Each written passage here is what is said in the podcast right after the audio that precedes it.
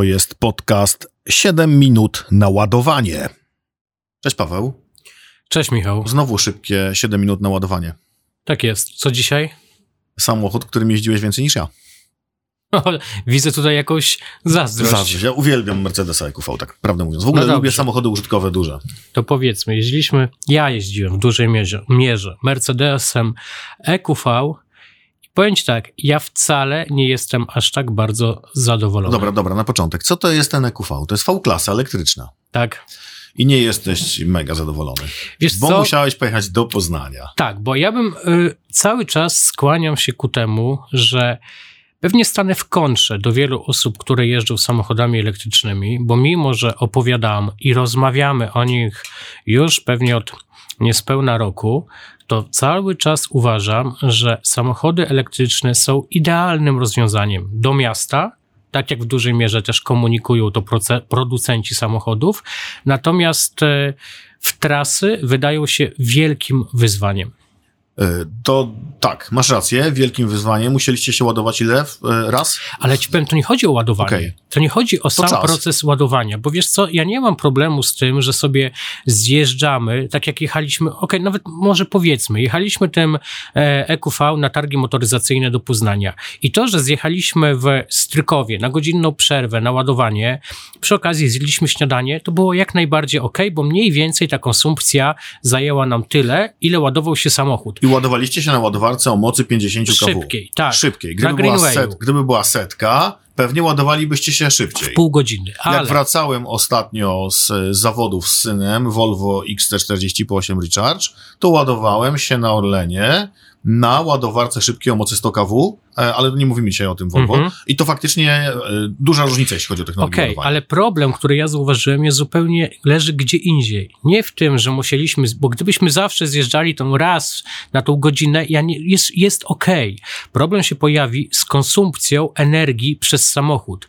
My zjechaliśmy tylko i wyłącznie raz, ponieważ jechaliśmy wolno. Jechaliśmy 110, max 120 km na godzinę, tak, żeby nie, nie było konieczności ładowania się szybciej. Natomiast gdybyśmy chcieli jechać... Wir w baterii.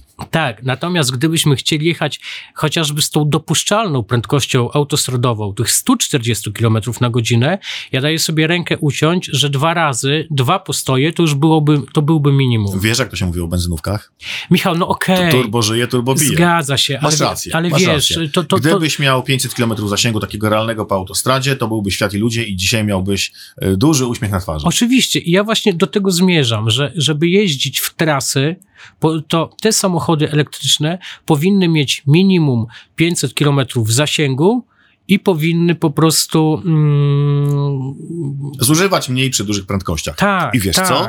I to jest wyzwanie Dla dla, projektantów, którzy muszą zbudować karoserię o jeszcze niższych e, oporach powietrza. No nie wiem, wiesz, czy to, czy to Ale rzeczywiście EQV jest. jaki jest, każdy widzi, duży, duży van, no V-klasa elektryczna. Mhm. Dobra, a co ci się podoba w tym samochodzie? Co ja mi się- powiem, co mnie się podoba. Co mnie się podoba, to samo, co się podoba w VC, że jest komfortowa, tak, że jest wygodna, że, mm, mm, że miło i przyjemnie tym się podróżuje. Natomiast gdybym miał szukać wad, e, wiesz, ja, ja jestem ten technologiczny, nie? Na przykład dwie rzeczy, które mi się bardzo mm, nie podobają, uważam, że są jeszcze nie rozwinięte do końca, to jest asystent głosowy, ten tak zwany Hey Mercedes, y, Kompletnie tego nie Nabira używam. z nędzą. No, no tragicznie to jeszcze dzisiaj działa, ale, ale wiem, że sterowanie głosowe w motoryzacji dopiero jest na początku.